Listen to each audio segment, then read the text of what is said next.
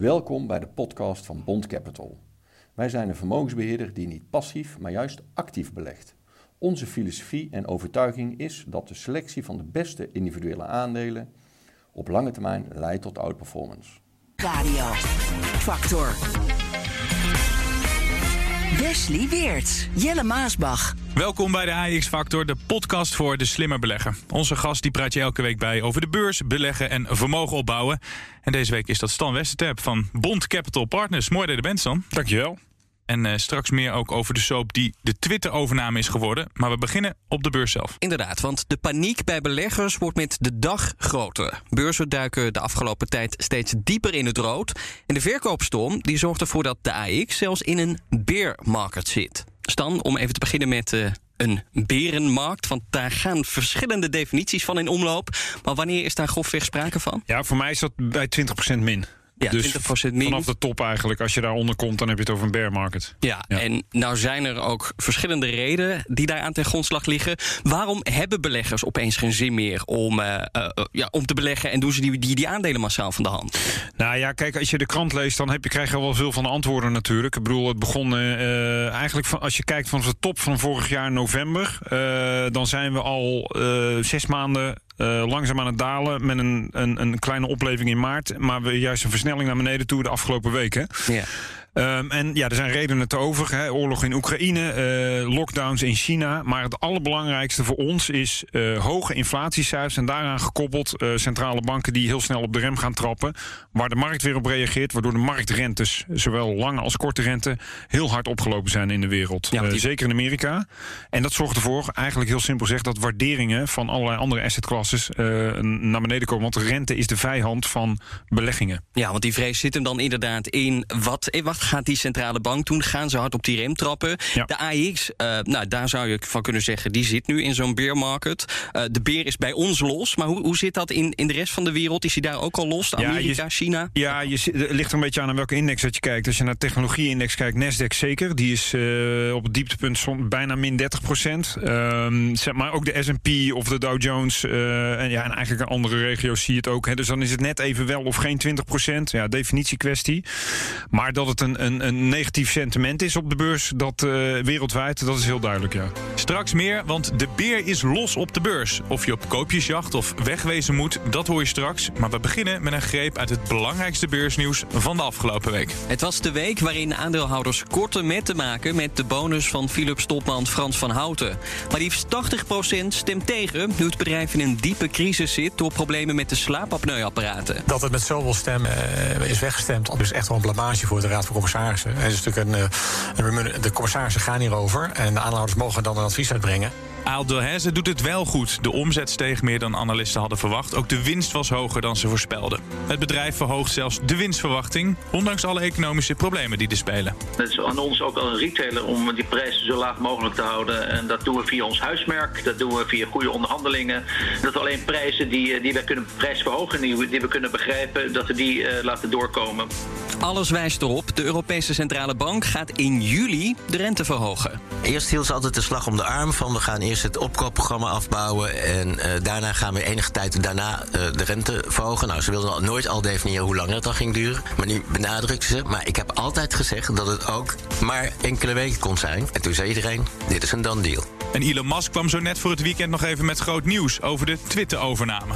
The deal for Twitter from Elon Musk is on hold for now. That is according to the man himself who says it's temporarily on hold pending details supporting the calculation that spam or fake accounts do indeed represent less than 5% of users. Twitter shares are taking 18% in early hours. Elon die zei, ik heb het geld, funding secured. Mm -hmm. En nu is in één keer alles on hold gezet, omdat hij, uh, zoals hij zegt die accounts moet gaan checken. De nep-accounts uh, van Twitter. Koers flink naar beneden. Ja. Is een onderhandelingstactiek? Nou, um, ik, ik moet meteen denken aan die, uh, die beruchte shortseller die deze week naar buiten kwam, Hindenburg Research. Ja. Die al zei van joh, er zit een groot risico aan, uh, aan, aan het, uh, het niet doorgaan van de deal met Twitter. Of inderdaad, wat zoals Musk het nu zelf noemt, on hold zetten. Vanwege verschillende redenen. Eén is inderdaad de prijs, andere is de, de financiering daarvan. ja, inderdaad, de, de due diligence die dan nog moet gaan plaatsvinden. Alhoewel ik ervan uitga dat Elon Musk niet zelf al die miljoenen twitteraars gaat, gaat, gaat checken. Dat is allemaal handmatig gaat Want dan, eh, dan hebben we over 30 jaar nog geen deal. Ehm, en, en dat hadden ze wel eigenlijk goed gezien. Want eh, het plafond lag eh, duidelijk boven op het bot. Maar je zag ook al de koers van Tesla. Hè, ook analoog aan wat de rest van de markt doet. Maar was ook al flink gezakt. En een deel van de financiering komt voort eh, met Tesla-aandelen als onderpand. Waar Elon natuurlijk groot aandeelhouder in is. En je ziet dus nu inderdaad voor beurs exact het, het, het, andere gebeuren. Is Twitter gaat voor zonder uit. Dat scheelt wel van. Dat schiet van min 20 naar min 12 procent. Dus het gaat ook nog alle kanten op van gaat het dan wel of niet gebeuren. En Tesla gaat juist weer omhoog. Ja.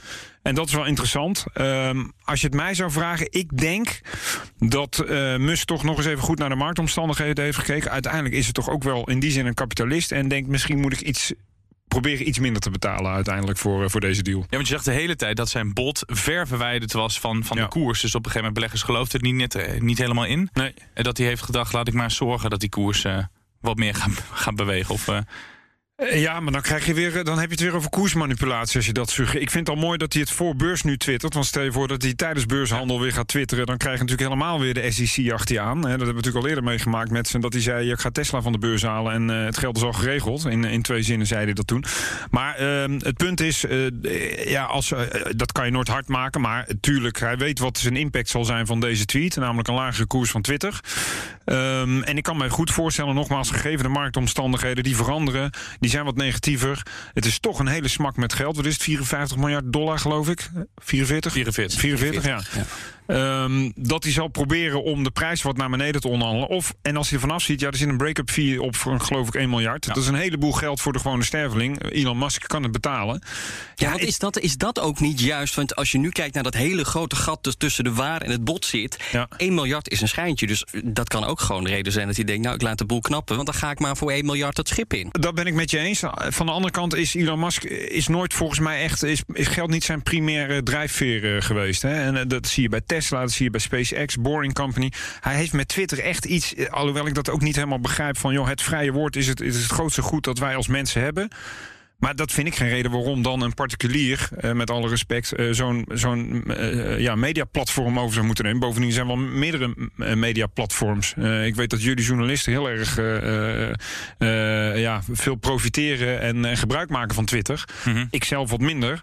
Ehm, maar ja, ik vind het een heel nobel streven. Maar om daar nou 44 miljard dollar voor op tafel te leggen, dat zie ik nog niet helemaal. heel duur. Denk je dat hij die prijs omlaag kan uit onderhandelen? Ja, dat is uiteindelijk aan de aandeelhouders natuurlijk. Eh, niet zozeer aan het bestuur. Eh, die waren al akkoord. Maar als, ja, als hij zegt, jongens, ik wil 10 miljard minder betalen... dan zullen ze zich toch nog even achter de oren krabben. Eh, maar uiteindelijk is het aan de aandeelhouders om, om akkoord te gaan met een, eh, al dan niet een bod. En wat Jelle al aangaf, hè, het feit dat die prijs altijd al onder dat, dat, dat bod lag... gaf al aan dat er door de markt een soort van risico eh, in werd geprijsd... dat die deal wel eens niet tot stand zou kunnen komen. Ja, nu zie je het, hij wordt on hold gezet. We moeten kijken of van uitstel ook afstel gaat, eh, gaat komen. Ja, en die aandeelhouders, als die dan akkoord moeten gaan... er zijn al een aantal grote aandeelhouders die in de aanloop ernaartoe al zeiden... van ja, eigenlijk is het bod al aan de lage kant als je het afzet tegen de eerdere koers... want die heeft al ooit hoger gelegen. Ja, denk je dat ze nog meer water bij de wijn gaan? Ja, maar zo lust ik er nog wel een paar. Kijk, koersen die gaan. eh, Ja, eh, dat is natuurlijk altijd heel erg lastig. Als je, als je alles refereert aan de hoogste koers van een aandeel ooit. Als er één gek is geweest die ooit 200 dollar voor Twitter heeft betaald. dan kan je niet zeggen van ja, maar het is dus 200 dollar per aandeel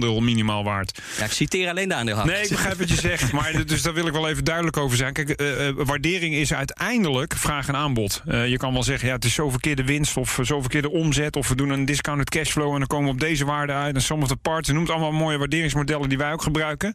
Maar als het echt om koop-verkoop gaat, dan komt het waar komen de kopers en de verkopers bij elkaar. En als Musk niet bereid is om die 44 miljard te betalen, om wat voor reden dan ook. En hij zegt, nou, ik wil er wel, ik noem maar iets, 34 miljard voor betalen. Als de beleggers, de aandeelhouders bereid zijn daarvoor te verkopen, dan gaat het uiteindelijk nog door. Denk je dat die deal uiteindelijk doorgaat? Voor welke prijs dan eh, het ook gaat worden? Ehm Oeh, dat is ja, glazen bol. Ik denk het wel, omdat Musk eh, daar, eh, daar gewoon... Anders zouden we er niet aan beginnen. Ik zie alleen de logica, zowel financieel als strategisch, er niet van in. Maar Nee. ik, ik ben geen Elon Musk. Benieuwd hoe je dan kijkt eh, naar Philips. Gek bruggetje. Aandeelhouders die stemden namelijk massaal tegen de bonus van Philips topman Frans van Houten. Het bedrijf zit in grote problemen, maar wil toch bijna 2 miljoen euro aan bonus geven. Bijna 80% van de aandeelhouders is tegen en toch keert Philips de bonus aan Van Houten uit. Is dit een middelvinger naar de aandeelhouders? Ja. Ja, dat is heel duidelijk. Kijk, het is een advies eh, van de aandeelhouders eh, aan, het, aan de Raad van Commissarissen en aan het bestuur. Ehm, eh, dus een soort van raadgevend referendum. Maar als vervolgens 80% zegt, joh, dat moet je niet doen. En je zegt, nee, we doen het toch. Hè, dan kan je in eerste instantie eh, naar de Raad van Commissarissen kijken. Dat is Fijke Cijfers, maar natuurlijk net, net binnengekomen. Ja, dat is een man die ESG-criteria, dus duurzaamheid, Ja, maar ook governance en zo heel hoog in het vaandel heeft staan. En kijk, heel, kijk, als je puur juridisch kijkt, hebben ze gelijk. Je hebt nou eenmaal een contract met die beste man. Daar staan eh, ongetwijfeld allerlei afspraken in. Als hij die doelstellingen bereikt, dan moeten ze hem gewoon uitbetalen. Ja. Maar er is ook zoiets als een moreel kompas. Eens. En inderdaad, eh, er is ook zoiets, ja precies, moreel kompas en publieke opinie. ehm, en, en het bedrijfsbelang, hè, het grotere belang. eh, dat is, gaat verder dan alleen eh, Frans van Houten. Want dit is natuurlijk niet goed voor de Raad van Commissarissen, voor de Raad van Bestuur. Dat wordt ook door, door veel experts gezegd, ook in, in communicatie, zeg maar. Van ja, ook al geeft dit nu alsnog terug, the damage has been done. Het kwaad is geschied. Je moet er ook voor zorgen, hoe, ja, hoe gaan je klanten en je afnemers en je leveranciers en je personeel, hoe kijken die hiernaar? Weet je? Dus, Ja, natuurlijk- zegt veel- groter dan alleen, eh, Precies. dan Dus alleen de en, dit was zo'n mooi eh, moment geweest voor Van Houten om een gebaar te maken naar al die stakeholders, ook de aandeelhouders. Want de koers van, eh, van Philips is gehalveerd. De bedrijfswaarde is meer dan gehalveerd door al dat gezeur met die slaapapneuapparaten in Amerika. Daar zijn ze nog lang niet vanaf. En tuurlijk kan je dat niet allemaal op Frans van Houten schuiven. Maar ik hoorde eerder deze week, ja, hij heeft ministeriële verantwoordelijkheid daar. Je weet, misschien wist je het niet van tevoren, maar nu weet je wel precies wat er speelt. En jij bent uiteindelijk eindverantwoordelijk. En daar word je dus ook op afgerekend. Ja, dan vind ik het gewoon niet passend dat je zo'n bonus van 1,8 miljoen gaat uitkeren. We hebben geen aandelen Philips. En wij stemmen ook niet vaak, eh, moet ik eerlijk zeggen. Maar als we dat hadden gedaan, had ik ook zeker tegen gestemd. Ja, en nu zeggen deskundigen, ze gaan dit nog eh, terugkrijgen. Op, op welke manier zouden ze dit dan Nou, als jij, als jij eh, nu tegen, als jij nu zo'n zo'n sterk advies van de aandeelhouders in de wind slaat, eh, nou ja, kan je je voorstellen dat ze ooit bijvoorbeeld eh, goedkeuring willen krijgen voor een bonusbeleid of discharge van een bestuur of een keer eh, inkoopaandelen of juist een emissie. Dat de aandeelhouders dan zeggen, hè, waar ze wel, eh, waar het niet raadgevend is, maar waar ze gewoon echt naar de aandeelhouders moeten luisteren, dat ze gewoon zeggen, nee, zoek het maar uit. Of bij een overname, je, je kan het zo gek niet bedenken. Je wil, het is gewoon bad publicity, daar komt het uiteindelijk gewoon op neer. En het gaat al niet zo lekker met Philips. Dan kan je er dit gewoon niet bij hebben. Dus het is echt, echt heel erg dom. En ik kan mij ook voorstellen dat zelfs Frans van Houten eh, op een gegeven moment... eh, ik, ik neem aan dat hij niet eh, alle, alle artikelen en, en, en kranten en, en radio en podcast luistert... want dan zou hij zelf niet gelukkig worden. Maar wel achter zijn oren gaat krabben van... joh, ik zit er sinds 2011... Eh, ik, ik had, ja, het is achteraf mak praten, maar eh, achteraf beter een jaartje eerder eh, ermee kunnen stoppen. Want ja, om met zo'n erfenis afscheid te nemen. En nogmaals, ja, dit is niet in een paar maanden opgelost. Nee. Dit probleem. Als je zelfs de, de, het Openbaar Ministerie in Amerika achter je aan zit.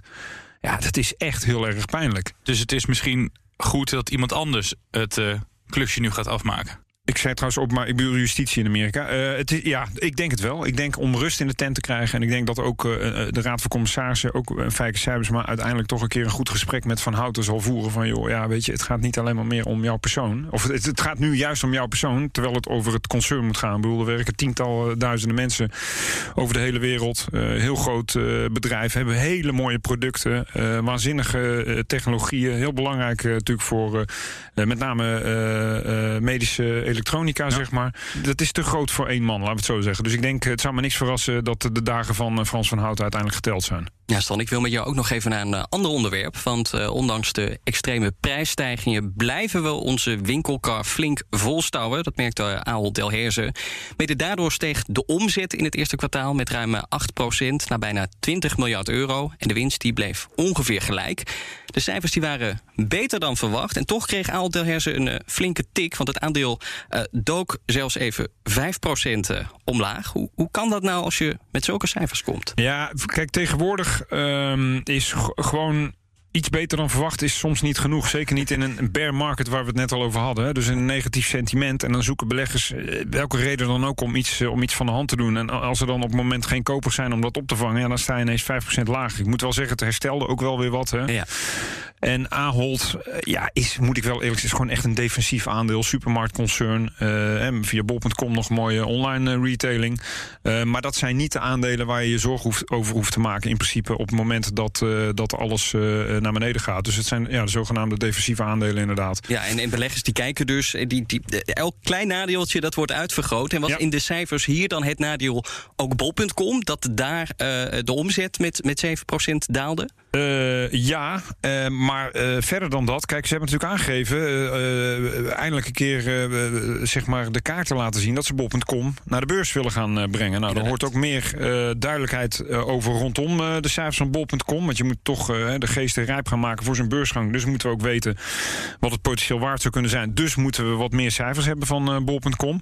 Maar je kan je voorstellen, ook in, ja, in deze negatieve sentimenten. dat het, het naar de beurs brengen van bol.com uh, nog wel eens op de lange baan geschoven kan gaan worden. Uh, Coolblue is al twee keer uitgesteld en toen was het, het, sentiment veel positiever op de beurs. Dus. Ja, staan op, op de lange baan schuiven of misschien helemaal een streep door de plannen. Wat denk jij?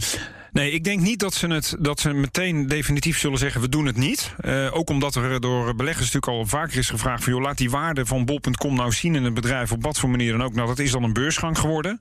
Um, alleen het zal heel erg afhangen van, hè, zoals we dat zo mooi noemen, de window of opportunity. Uh, het marktsentiment moet goed zijn, anders is een beursgang ook bij voorbaat ten dode opgeschreven. Dus niemand wil naar de beurs als je aandelenkoers op de eerste dag meteen uh, volledig daalt. Nee. Um, dus het zal heel erg afhangen van het sentiment van de beurzen, hoe dat zich gaat ontwikkelen later dit jaar.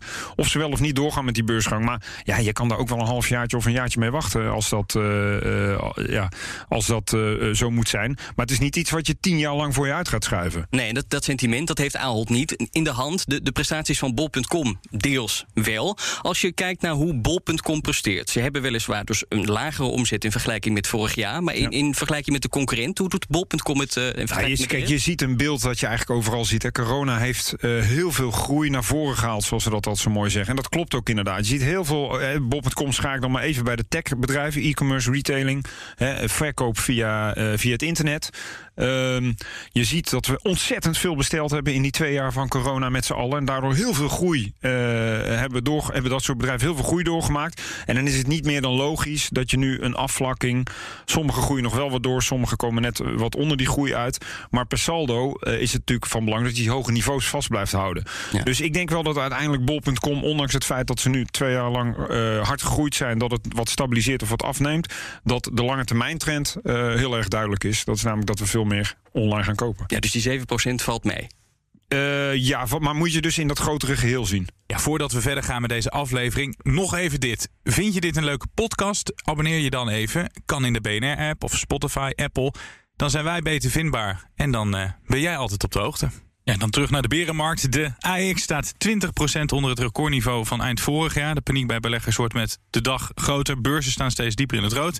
De aandelenbeurzen die lijken een recessie in te prijzen. Of die er komt, dat hoor je de komende minuten. Maar om uh, eerst maar eens te beginnen is dan... welke aandelen zijn het hardst gekelderd de afgelopen tijd? Uh, ja, dat, is een inkoop, dat zijn de technologieaandelen natuurlijk. Ja. En de AIX zitten nog wel wat technologiebedrijven in. Hè. Denk aan Adyen, denk aan alle chipfabrikanten... Uh, of in ieder geval de, de machinefabrikanten ASML, Bezi, ASMI. En dat heeft te maken met, waar we het al eerder over hadden... oplopende rentes. Kijk, ehm, in principe is, een, is een, een, een, waarde van een aandeel... wordt bepaald door de contante waarde van je toekomstige kaststromen.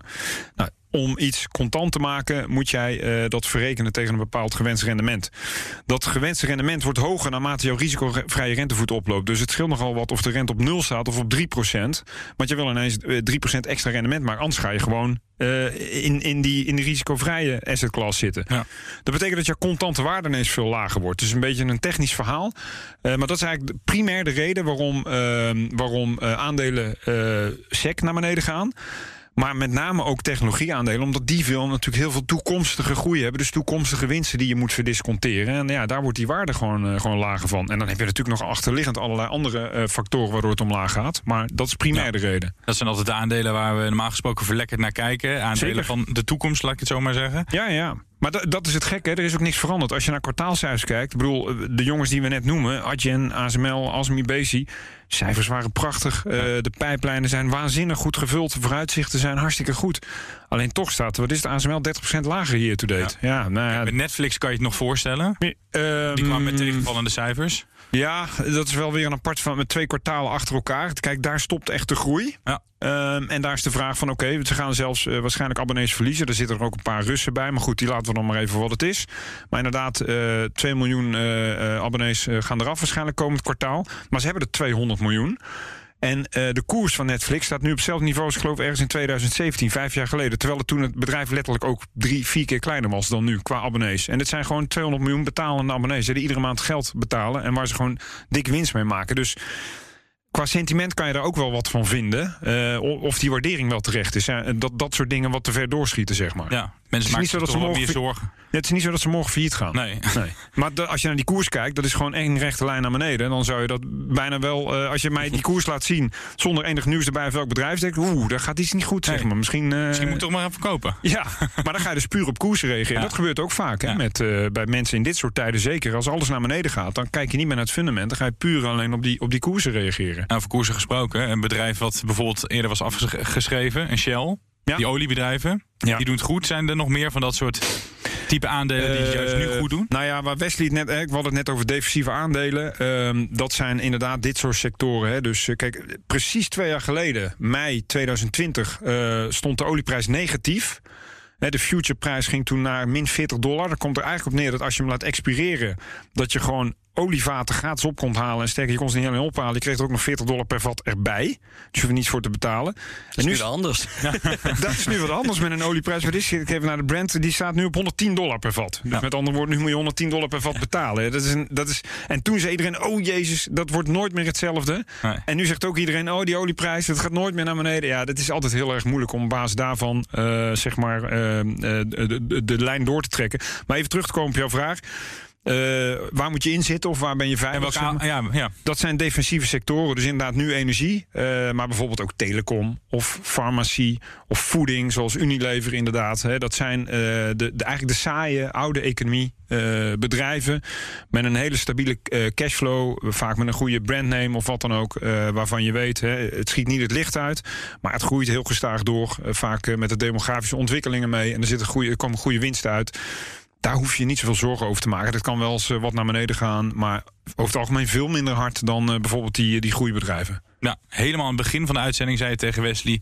zo'n eh ja, berenmarkt vind ik zo gek klinken. Maar een bear market, dat duurt, is min 20. Hè? We- Weet je overigens misschien wel een goede vraag waar, de, waar boel en bear waar dat vandaan komt? Ja, de stier die omhoog slaat en de beer die met zijn klauwen naar beneden Precies. gaat. Ja. Nou, misschien goed als de Nou, luisteraars het niet anders was ik zouden wel weten. nu door de mand eh, vallen. Hey, hoe lang duurt zo'n eh, berenmarkt? Oeh. Gemiddeld. Ehm, daar, ook daar, als je naar de historie kijkt, hè, we kunnen alleen naar historie kijken, dan eh, zie je dat dat verschillende periodes zijn hoe lang dat, dat kan duren. Eh, kijk, de, de financiële crisis eh, was zes maanden echt van koersdalingen. Vanaf de val van Lehman tot aan maart 2009 was het gewoon ook een maand of zes, zeven. Dat hebben wij nu ook onge- ongeveer. Maar bijvoorbeeld de jaren 70 stagflatiescenario, dan kan het veel langer duren, zeg maar. Dat je of zijwaarts of licht neerwaarts tendeert. Maar we hebben ook corona, was drie weken. Dus eh, ja, wie het weet mag het zeggen. Als we naar de historie kijken, je- weet het gewoon simpelweg niet. Eh, Nee, dus en- we weten ook niet wanneer we het dieptepunt bereiken. eh, nee, er gaat geen belletje af bij het dieptepunt. En ook niet bij het hoogte. En dat is het Nee, moeilijke maar aan beleggen. ook, ook niet een klein beetje te voorspellen op basis dus van die historie? Mm, ja en nee. Ja, je weet dat het altijd weer een keer omdraait en omhoog gaat. Nee, je weet niet precies wanneer het gaat gebeuren. Is market timing ook zo heel erg moeilijk. Ik wil ook even, even refereren aan... Ik heb dat volgens mij ook wel eens op LinkedIn geplaatst. Als jij probeert de markt te timen, je gaat erin en eruit, erin en eruit, zeker op basis van die emotie, hè, dan mis je misschien wat dalingen. Maar de grootste stijgingen van het jaar komen ook al, zitten altijd in dezelfde eh, periode als de grootste dalingen zijn geweest. Dus als je die beste twee, drie dagen van herstel mist, dan kan dat zo 10% per jaar rendement schelen. Dus vandaar dat het ook heel erg gevaarlijk is. Je moet het twee keer goed hebben. Je moet er niet alleen op tijd uit, maar je moet er ook op tijd weer in. Eh, en dat is gewoon, dat is weinig, eh, voor weinig weggelegd, blijkt ook uit de historie. Hè. Dat is, kijk naar Warren Buffett, die, is natuurlijk, die weet precies hoe dat, eh, hoe dat spelletje werkt. Ja. Kopen op lage niveaus en nooit meer verkopen. En eh, de rest ja, nemen we voor lief. Eh, die dalingen die hij nu ziet eh, plaatsvinden, daar zal hij ook wel likkenbaardend naar zitten kijken. Want die heeft nog een hele berg met geld waarvan hij half jaar geleden zei: ja, Ik weet niet wat ik ermee aan ik weet niet moet. wat ik ermee aan moet. Nou, reken maar dat hij eh, links en rechts eh, eh, versneld aan het kopen is. Hij is verschillende dingen aan het kopen. Hij gaat onder meer ook in de, in de olie. En als je het hebt over hè, het, kunnen bepa of het, het kunnen voorspellen van die koersen. Je ziet ook een klein beetje dat beleggers het ook niet helemaal weten. Want in maart zag je een, een kortstondige opleving. Ja. Die koersen schoten toen omhoog. Maar even later dook alles weer omlaag. Hoe, hoe kan dat sentiment zo snel weer veranderen? Ik denk, ja, oeh, dat is een hele goede vraag. Kijk, in maart hadden we natuurlijk net die eerste klap gehad van. eh, ja, een goede vraag. die klap gehad van, ehm, van eh, het feit dat de Oekraïne werd binnengevallen. En daar de ergste schrik wa- waren we van bekomen.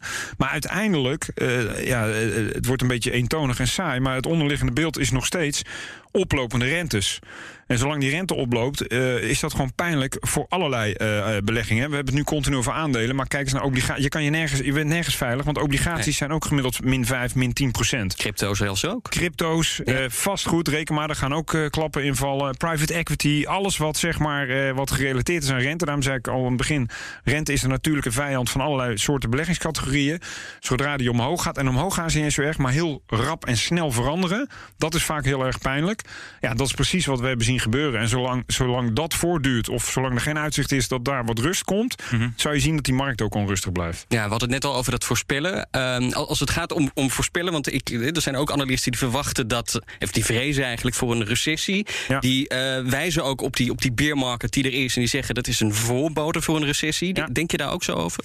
Ehm, ja, ook daar weer de historie. Ehm, een, een, een, een- bear market of een inverse yield curve. Dat eh, wordt ook wel eens aangehaald. Hè, als, eh, dus dat de, de korte rente hoger is dan de lange rente. eh, waardoor je eigenlijk weinig vertrouwen hebt in de toekomst als belegger. Ehm, niet alle bear markets zijn ook daadwerkelijk gevolgd door een recessie. Maar de meeste recessies zijn wel voorafgegaan door een bear market of een inverse yield curve. Dus dat heeft eh, wel en geen voorspellende waarde. Kan je pas achteraf zeggen. Ja. Eh, ik denk dat de kans wel eh, aanwezig is dat die er is. Hè, zeker in Europa, waarin we toch heel erg afhankelijk zijn van, van, van, van gas en olie, met name uit Rusland. En als, zij, als daar iets disruptiefs in gebeurt, nou, je ziet het eigenlijk al door de enorme prijsstijgingen, dan zou dat echt wel eens pijn kunnen gaan doen. Tegelijkertijd is dat ook heel, voelt dat heel eh, krom, omdat je ook ziet in, eh, ja, als we om ons heen kijken, we hebben overal personeelstekorten. Ja, dat rijmt ook weer niet met een, met een aanstaande recessie. Nee, Daarnaast- winkelstraten die, die, die zijn weer beter gevuld. We, we geven nog Schiphol geld heeft geen afhandelaars. De Nee. NS kan niet rijden, want ze hebben te weinig eh, conducteurs of wat dan ook.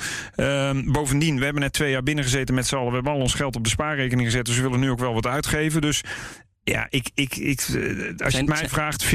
En eh, daar ook nog de definitie van recessie is twee kwartalen van eh, negatieve groei achter elkaar.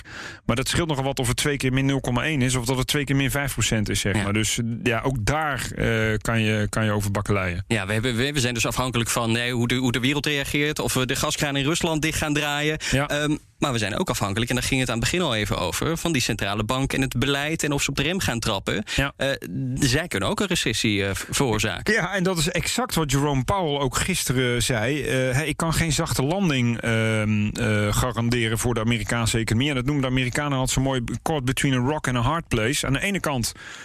De inflatie loopt heel hard op, die moeten ze beteugelen. Maar aan de andere kant, als zij met de, door, dat doen ze door de rente te verhogen. Maar als ze dat te hard en te snel doen, dan koelt de economie weer te snel af. Terwijl het mandaat is ook weer economische groei. Dus aan de ene kant prijsstabiliteit, dus niet te veel hoge stijgingen. Ja. En aan de andere kant economische groei. Ja, en dat, dat, bij, eh, ja, dat bijt elkaar op dit moment. Dus het is heel moeilijk. Kijk, eh, eh, Paul heeft nu al gezegd, joh, inflatie eerst. En dan, want economische groei is er nog. Ja. Ja. Maar stel je voor dat we echt signalen krijgen van dat de Amerikaanse economie begint af te koelen. En dat inderdaad de werkloosheid begint op te lopen. En dat eh, de consumentenbestedingen teruglopen, et cetera, et cetera, et cetera. Ja, dan moet ik nog eens zien hoe de centrale banken er, er dan mee omgaan. Maar eh, wat verwacht je dat hij gaat doen de komende tijd? Hij is herbenoemd hè, van de week. Ja. Nee, hij gaat sowieso, eh, of de Fed, hè, het is niet alleen Powell, maar de Fed gaat sowieso door met renteverhogingen. Ja. De vraag is alleen wanneer stopt het een keer. En dat zal afhankelijk zijn van, van de data die we along the way binnenkrijgen. Daar kijken zij namelijk naar. Dus wij ook als beleggers. Inflatiedata, economische data, leading indicators, eh, dat soort zaken. En dat geldt hetzelfde, eh, geldt voor de ECB. Ja, ECB eh, gaat in juli. En we hoorden het net in een fragmentje de rente verhogen. Waarschijnlijk wel, ja, die kans is vrij groot. Hè. De Lagarde heeft inderdaad wel een, echt een, eh, voorzet daarvoor gegeven. En ook andere leden van de ECB, eh, zeker uit de landen die normaal wat meer dovish zijn. Hè. Frankrijk, Italië, Spanje, zuidelijke landen. Die schreven nu toch ook wel aan, ja, die inflatie is wel eh, een probleem en hardnekkiger dan we gedacht hadden. We zullen toch ook wel een keer eh, eraan moeten geloven. Om en nabij de 2% is altijd dat magische zinnetje wat ik heb gehoord bij de ECB. Ja, de, prijsdoelstelling. Ja. Ja. Nou, wat ze natuurlijk een paar jaar geleden gedaan hebben eh, door Lagarde is niet te zeggen: oké, het moet precies 2% zijn, het moet gemiddeld 2% zijn. En dan eh, kan je natuurlijk bakkelei, want het is jarenlang onder die 2% geweest. Nou, het Ja, schiet nu ineens wanneer- verder boven. Ja, wanneer precies. kom je op gemiddeld 2% Ja, uit? En dat, is altijd een, een escape voor ze. Maar dat ze gaan verhogen, dat lijkt me... daar- En ik denk ook wel dat dat logisch is. Eh, ze, stoppen, zijn, ze stoppen in juni met opkopen. Dan kan je de maand daarna meteen al de rente verhogen. Ik denk in ieder geval dat veel partijen het prettig zouden vinden... als ze die, van die hatelijke min een half afgaan. Dus dat we gewoon in ieder geval op nul uitkomen. Ook op spaarrekeningen weer. Dat je gewoon je geld op de spaarrekening kan zetten... zonder dat je hoeft bij te betalen als je wat te veel hebt staan. Ja. Jij zei net eerder 50-50 dat we in een recessie eh, komen. Ja. Hoe eh, ver is de ruimte voor de ECB om dan de rente te blijven verhogen? Ja, dat is precies hetzelfde dilemma als de bij heeft. ja, ja. als jij eh, en dat is hè, wat ze stagflatie noemen. Hè, dus je hebt een eh, eigenlijk dalende economische groei, maar tegelijkertijd stijgende prijzen. Mhm. Ja, dat is echt killing voor een centrale bank. Want dan moet je kiezen tussen twee, twee kwaden. Kijk, in principe is het, eh, eh, het beleid van de Fed is tweeledig economische groei en prijsstabiliteit. De ECB is in principe alleen prijsstabiliteit. Dus die mikken met name op die eh, inflatie. Maar dan ga je ervan uit dat bij een inflatie van 2% eigenlijk de economische groei ook iets daarboven ligt. Dus dat je dan eh, stabiliteit hebt ook in de economie. Ja, als, die, als die twee niet hand in hand gaan, ja, dan, wordt het, dan wordt het echt eh, een dubbeltje op zijn kant van wat gaan we doen. Dan heb je redenen om bij wijze van spreken de rente te verhogen, maar je hebt ook redenen om de rente te verlagen. Ja. Dus ja, ik ben blij dat ik dan niet in die boardroom zit van de ECB. Ik, ik, ik, zou zeggen als belegger, joh, verlaag maar. Want hè, dat, is, eh, dat is altijd uiteindelijk goed Ja, voor, voor, voor, de, voor, de, voor de beleggers, maar, maar ook voor de economie. Eh, maar ja, als je daarmee de inflatie verder aanwakkert. Kijk, dat kijk wat. Erdogan in, in Turkije doet. Die doet precies het tegenovergestelde van wat wij als economen allemaal geleerd hebben. Die gaat de rente verlagen op het moment dat je inflatie Dat hebt. is de enige, hè? Die Ja. denkt dat die economie opnieuw gaat uitvinden. ja, maar eh, ook hij wordt gelogenstraft. Want hij ziet dat het in Turkije ook voor geen meter werkt. Die inflatie wordt alleen maar hoger. Die heeft iedereen eruit getrapt daar bij de Turkse Centrale Bank. Dan heeft hij eindelijk iemand daar zitten en het gaat nog is slechter gewoon dan zoon, ervoor. geloof ik. Ja, ja, Ja, die is minister van Financiën. Hey, ehm, ehm, nog even, even chauvinistisch. Eh, als we kijken naar die twee enorme economieën, Europese economie, Amerikaanse economie, zegt zowel bij de Amerikaanse centrale bank als bij de Europese centrale bank zijn de kopzorgen. Welke Ja. economie staat er op dit moment het beste voor? Amerika. En waarom? Eh, omdat zij, eh, eh, hoe heet het? De, de, de, arbeidsmarkt draait het beste. Zij zijn meer zelfvoorzienend dan Europa. Hè. Energie, granen, dat soort zaken. Alles waar wij nu problemen mee, mee krijgen. Maar eigenlijk heel eerlijk gezegd komt dat ook gewoon Amerika. De interne markt is zo groot en zo flexibel. Ook de arbeidsmarkt. Daar kunnen wij in Europa niet tegenop. Hè. Ook de arbeidsmobiliteit, ook in je corona heb gezien. Hè. De Amerikanen kunnen heel makkelijk van, van A naar B bewegen... om dan maar daar te gaan wonen en daar te gaan werken. Wij gaan niet even in, in Frankrijk wonen. Om, eh, om, Nee. Jij gaat daar niet naartoe om daar even je werk te gaan doen. Weet je? Terwijl het wel één interne economische markt is... maar eh, nog geen interne arbeidsmarkt, zeg maar. Ehm, dus Amerika. Eh, maar ik moet er wel bij zeggen, denk dan meteen aan dat de valuta, de dollar, is nu zo sterk aan het worden ten opzichte van de euro. Doordat de rente daar veel hoor. We staan nu op 1,03. Dus we gaan voor het eerst sinds hele lange tijd toch een keer pariteit misschien halen. Ja, dat is wel een rem op de, eh, op, op, de, op de economische groei ook. Als je Want dat zichzelf mee uit de markt. ja, precies. Hè. Je, je, je producten worden te duur voor het buitenland. Eh, dus ja, daarmee zou dat ook een rem moeten. Maar voor Europa tegelijkertijd importeren we daarmee ook weer inflatie. Ehm, dus ik denk dat zowel Lagarde als Powell het wel prettig zouden vinden als eh, de euro-dollar verhouding weer wat de andere kant op zouden gaan. En dan moet de ECB ook eh, zou de rente moeten verhogen en zou de, de, de, de Fed juist wat meer eh, zeg maar eh, de voet van het gaspedaal Ja. af moeten halen voor wat betreft hun renteverhogingen. Ja. Maar het is moeilijk hoor, valuta's eh, beïnvloeden. Maar ik denk niet dat ze het erg zouden vinden als, eh, als het weer wat de andere kant op zou gaan. Ja, wat ook moeilijk is, is op dit moment eh, als belegger. Wat, wat moet je nou? We, we keken net al naar aandelen die dalen. Obligaties zijn niet interessant, crypto niet. Eh, ja, wat moet je dan? Moet je, moet je kopen op, op de dip? Of Ik moet je zou gewoon alles in bitcoin stoppen op dit moment. Alles in bitcoin. Ja. Dan ga ik dat bij deze noteren. Zei hij gek geloof er niks van. Nee, ehm, ik, ook weer een goede vraag. Kijk, en dan, krijg je weer het stoffige antwoord van een eh, traditionele vermogensbeheerder. Spreiden. Je belegt voor lange termijn. Je zit al langer in de markt. Je hebt vorig jaar een heel goed jaar gehad. Dit jaar een, een stuk minder. Spreiden, niet al je eieren in één mandje. Lange termijn, ritten uitzitten. Goede bedrijven kopen, goede beleg kopen. Dat je weet waar je mee bezig bent. Geen paniek. Altijd zorgen dat, eh, dat je voldoende liquiditeit hebt, dat niemand anders je toekomst bepaalt. Dat is er ook eentje van Warren Buffett. Maar met andere woorden, niet met te veel eh, leningen eh, of met, niet met leverage werken of dat soort dingen. Want dat gaat altijd mis uiteindelijk. Ja, dan heb je ook de rust om, om gewoon het af te wachten. Dus als je erin zit. Ja, ik zou, als je goede bedrijven hebt en je bent overtuigd van de kwaliteit. Hè, ASML werd net al genoemd. Ja, wat een waanzinnig bedrijf. Ja, dat ga je nu toch niet verkopen omdat de koers naar beneden gaat. Met dat soort vooruitzichten. Maar is het ook niet juist dan een koopkans? Want uh, Absoluut. correctie. Ja, kopen. maar, en daarom zeg ik, weet je, eh, dat is altijd mooi roepen. Wij gaan altijd roepen, ja, het is een koopkans. Maar heel veel mensen zijn al belegd. Dus ik denk, ja, dat kan je mooi vertellen. Maar ik zit al vol in de markt, bij wijze van spreken. Dus ja, ik heb geen geld meer om bij te kopen. Maar als, Als je, begint met beleggen, dan is dit. Er is geen mooier moment dan nu. Versus een half jaar geleden. Maar sowieso, ook als je begint met beleggen, moet je niet alles in één keer erin gooien. Zorg ervoor hè, dat je je huiswerk doet. Zorg ervoor dat je een plan hebt vooraf. Heel belangrijk.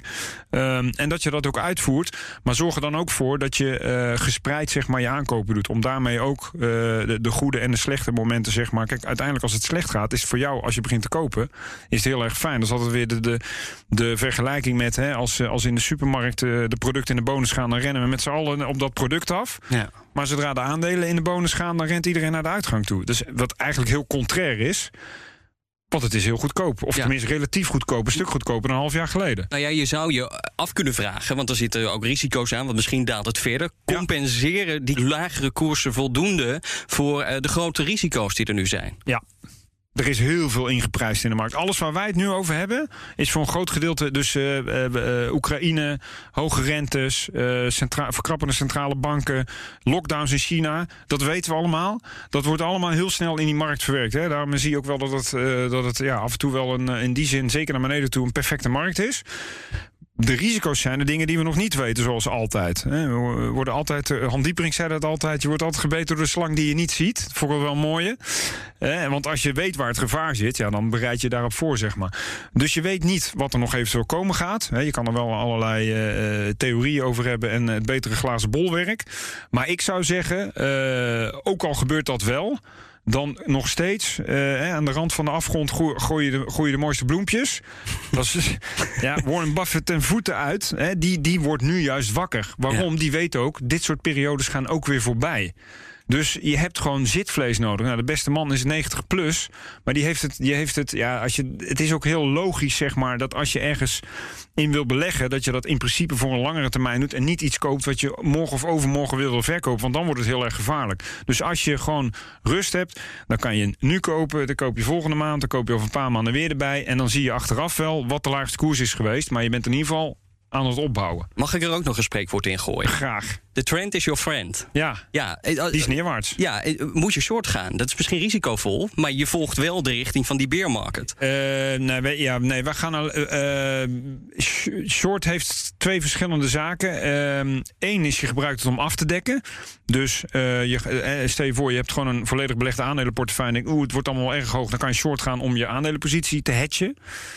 Maar je kan ook gewoon inderdaad echt short gaan zonder dat je een onderliggende positie hebt. Dus dan, dan, eh, dan profiteer je van een neergang van de markt. Wij doen dat niet omdat eh, Weet je, er zijn zo weinig eh, professionele en eh, kwalitatief sterke shortsellers die altijd. Want kijk, wat het punt een beetje is.